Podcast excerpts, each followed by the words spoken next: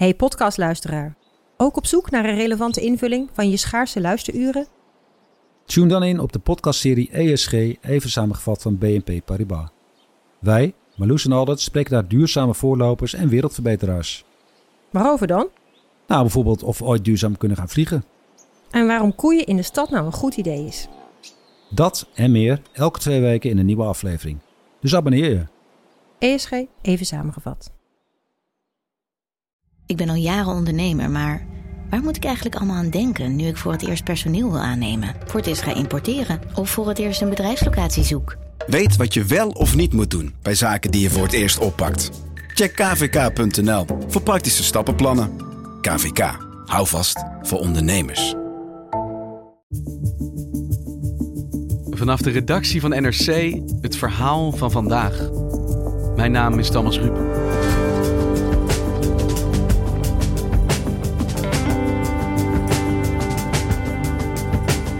Banken worden in Nederland nauwelijks nog beroofd. Toch werden een jaar geleden miljoenen gestolen bij een Rabobank in het Brabantse Oudenbos. Vandaag komt de zaak voor de rechter. Een reconstructie van de grootste bankroof sinds de Tweede Wereldoorlog.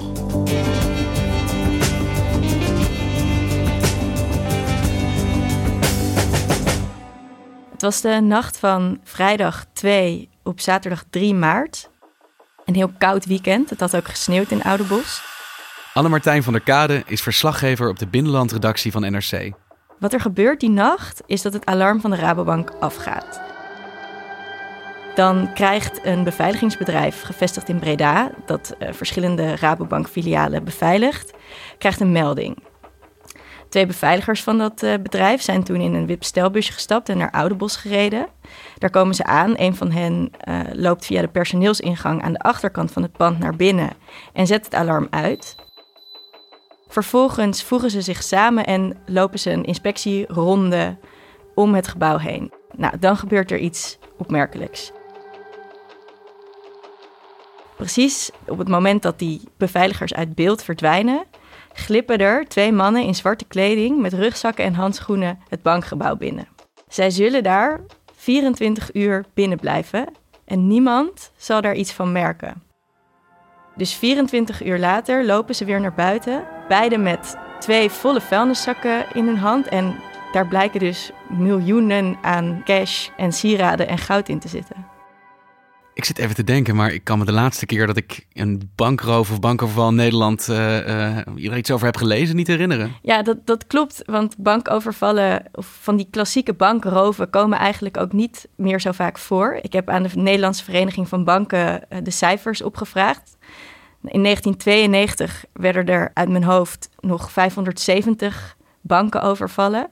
Nou, de afgelopen jaren waren dat er één of geen. En hoe komt het dat er zo weinig bankovervallen zijn tegenwoordig? Ja, dat komt eigenlijk omdat de moderne mens als een bankzaken digitaal regelt. Dus er ligt eigenlijk gewoon geen geld meer bij de bank? Nee, precies.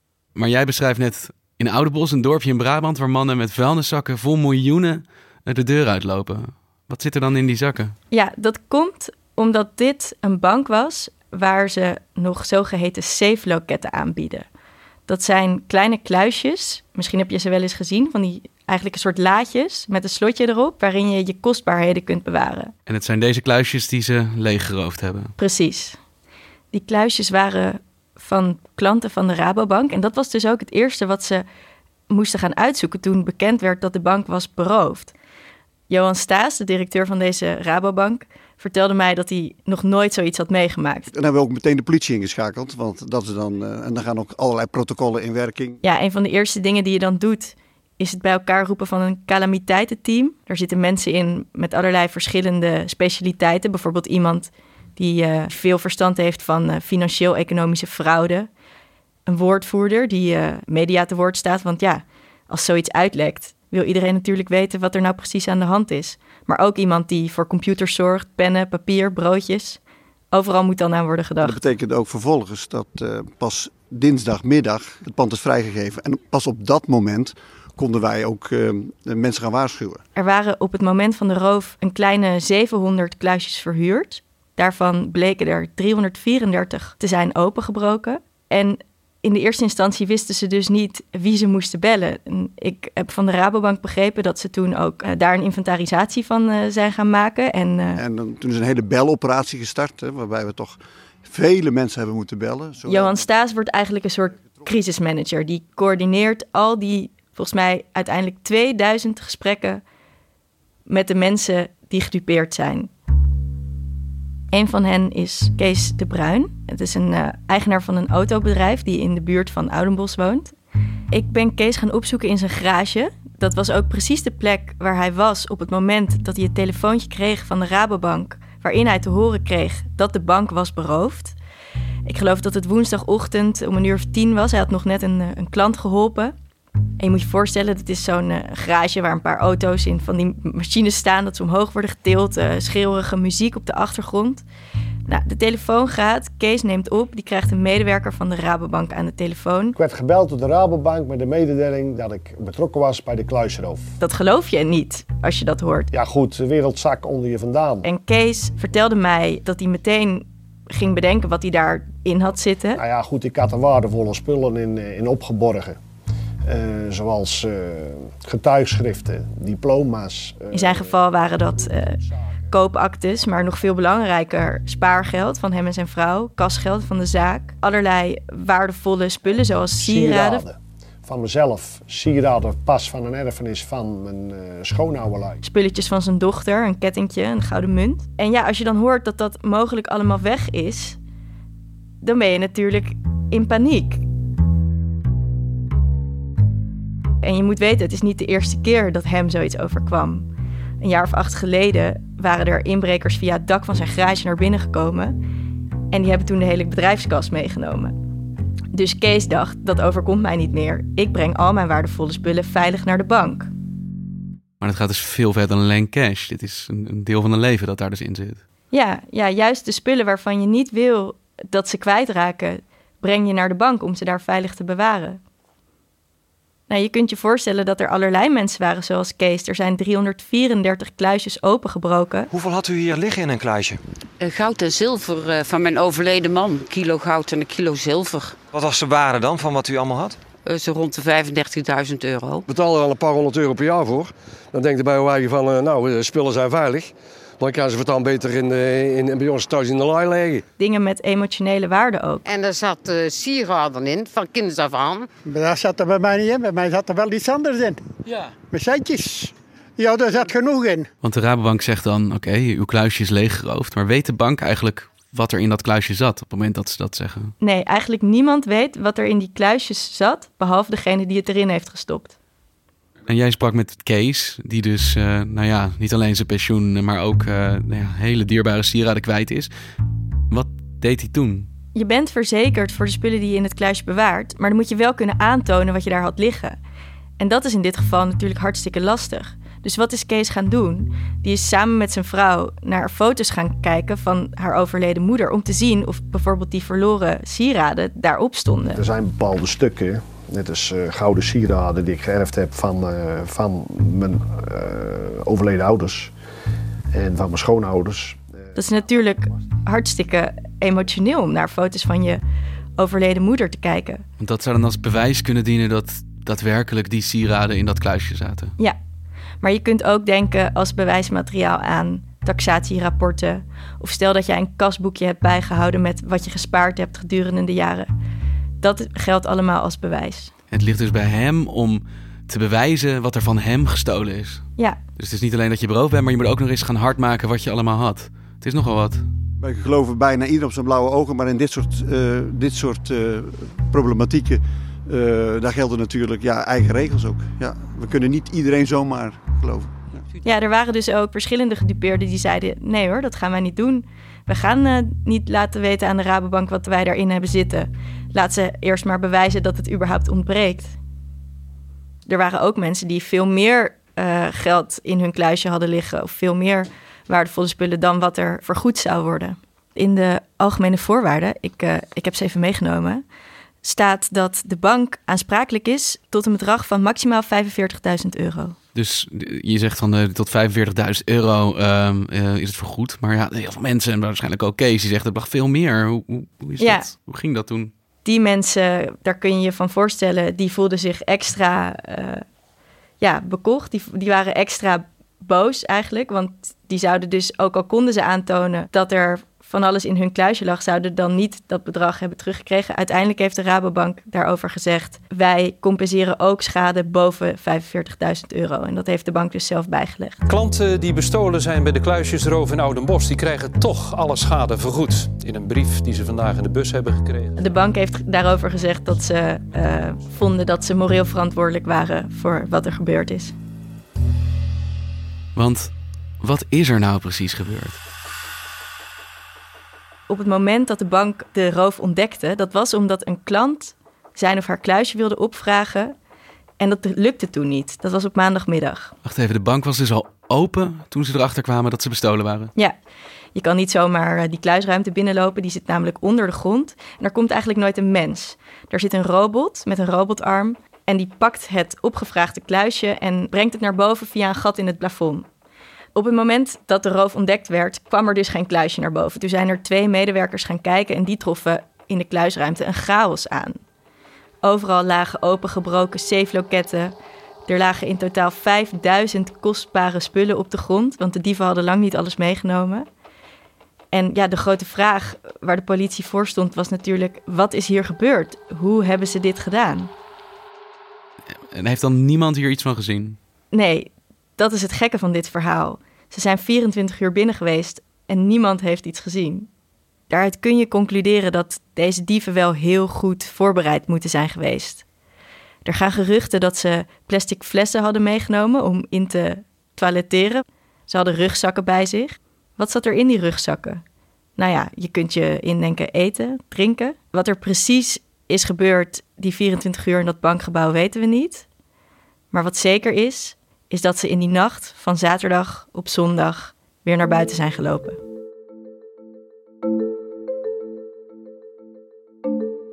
Ik ben langs geweest bij de directe buurman van de bank, Anne Rijnga. En die kijkt vanuit zijn werkkamer eigenlijk recht op de muur waar de ingang naar de kluisruimte zich bevindt. Hij staat bekend als de buurtdetective, want hij is een hele alerte, oplettende man voor zijn huis is een parkeerplaatsje. En hij weet dat daar gedeeld wordt. En hij zei ook tegen mij: Als er daar een verdachte auto staat, dan schrijf ik altijd even het, uh, het nummerbord op. Anne deed voor mij de deur open. Een zestiger, man met uh, wit kort haar, baardje, vierkant brilletje. Hele vriendelijke man. En hij wilde me direct ook alles vertellen over dat weekend van de roof. Alles wat hij zich kon herinneren. Wij komen terug van een uh, zwemparty met onze kleinkinderen. Ja. En Hij had dat weekend zijn kleinkinderen op bezoek. En uh, ja, als dat gebeurt, dan gaat hij vaak iets leuks doen. Dat weekend waren ze gaan zwemmen. En een van de eerste dingen die hij mij vertelde, is dat ze, toen ze terugkwamen van het uh, zwemmen, hij kroketten en frikandellen stond te frituren in de tuin. Broodjes. En aan de andere kant van de muur zijn ze. En terwijl dus maar een paar meter verderop die mannen bezig waren met het leeghalen van de kluisjes. Dus hij stond over zijn frituur gebogen terwijl de grootste bankroof van de afgelopen decennia zich in zijn achtertuin aan het voltrekken was. Ja, dat klopt. En wat kon hij zich nog herinneren? Want je zei hij ging zelf op onderzoek uit. Nou, hij vertelde mij dat hij achteraf uh, zich wel een aantal opmerkelijke dingen herinnerde.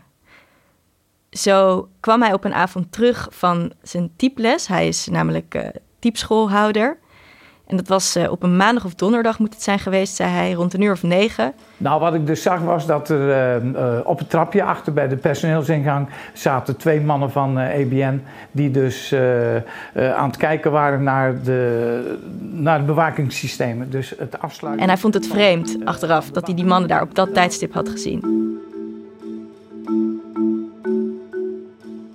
Ook trof hij de zondag van de roof een grote steen aan bij zijn garagedeur.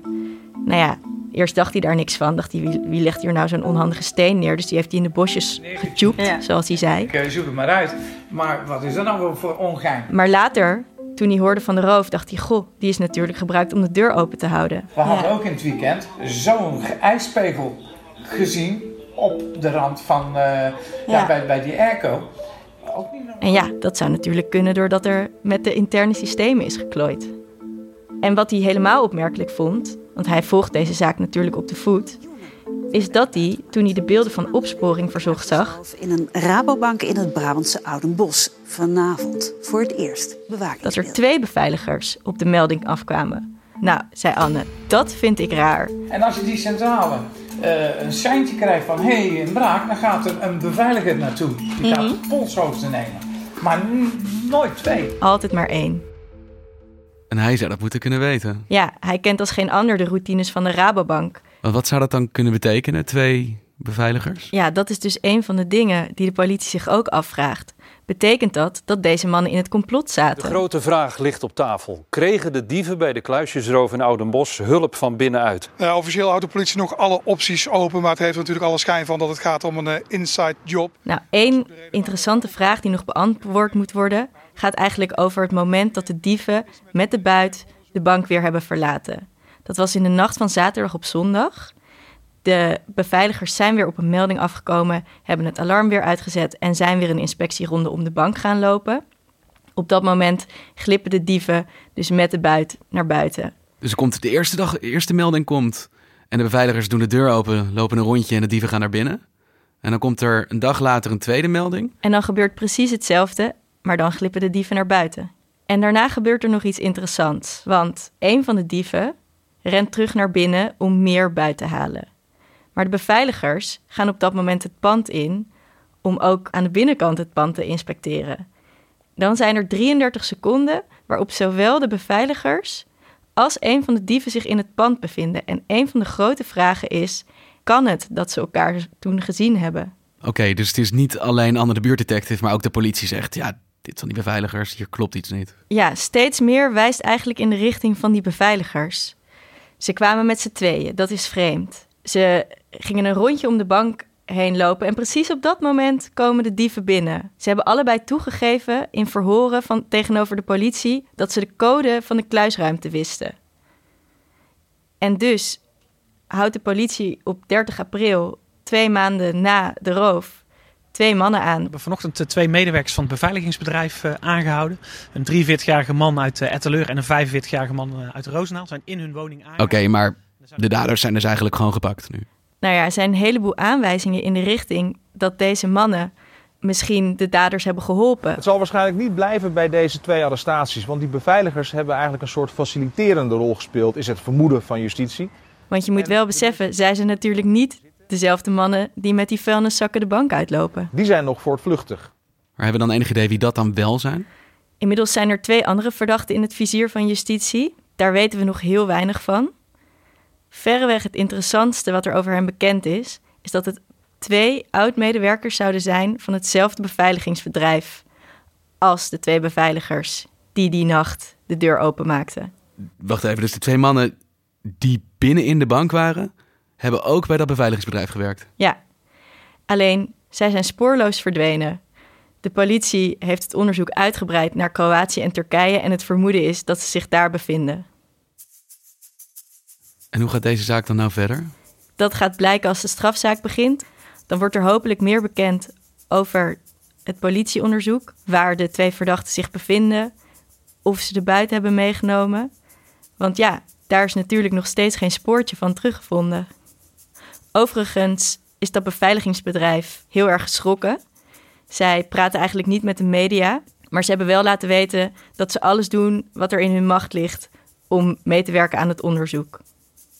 Hey, en als ik jou nou zo hoor en ik zou kostbaarheden bij zo'n bank hebben liggen, dan denk ik, ik haal die meteen weg. Want als er dan nu nog een bank wordt overvallen, dan zijn het dit soort banken. Ja, of juist niet. Iedere bank in Nederland die nog kluisjes heeft, die past natuurlijk wel extra op nu.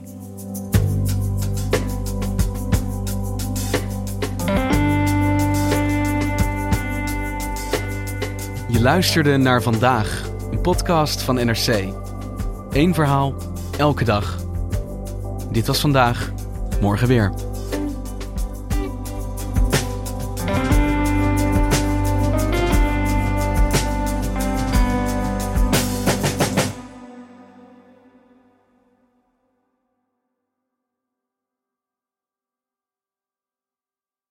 Technologie lijkt tegenwoordig het antwoord op iedere uitdaging. Bij PwC zien we dit anders. Als we de potentie van technologie willen benutten, kunnen we niet zonder een menselijk perspectief. Human-led, tech-powered noemen we dat. Ga naar pwc.nl.